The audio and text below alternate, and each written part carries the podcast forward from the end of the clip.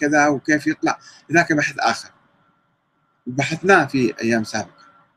المهدي فكرة عامة يعني الإمام الهادي الإمام الحق الإمام العادل هذا يسموه المهدي. وأي زمان بأي مكان سواء عربي ولا فارسي ولا هندي ولا تركي ولا زنجي ولا ياباني يمكن يصير. مرة أو رجالة ممكن يصير. كل إنسان يمشي عدل هو هادي هو مهدي. ويقيم الحق والعدل هو إنسان إمام مهدي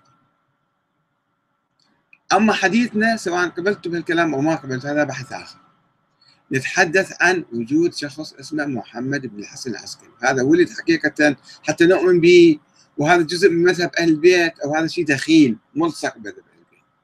بعد ما توفى الإمام العسكري وراح ورا خمسين سنة ورا مئة سنة سووا له قصص وأساطير ولزقوها به وسووا المذهب الكذائي المذهب الفلاني.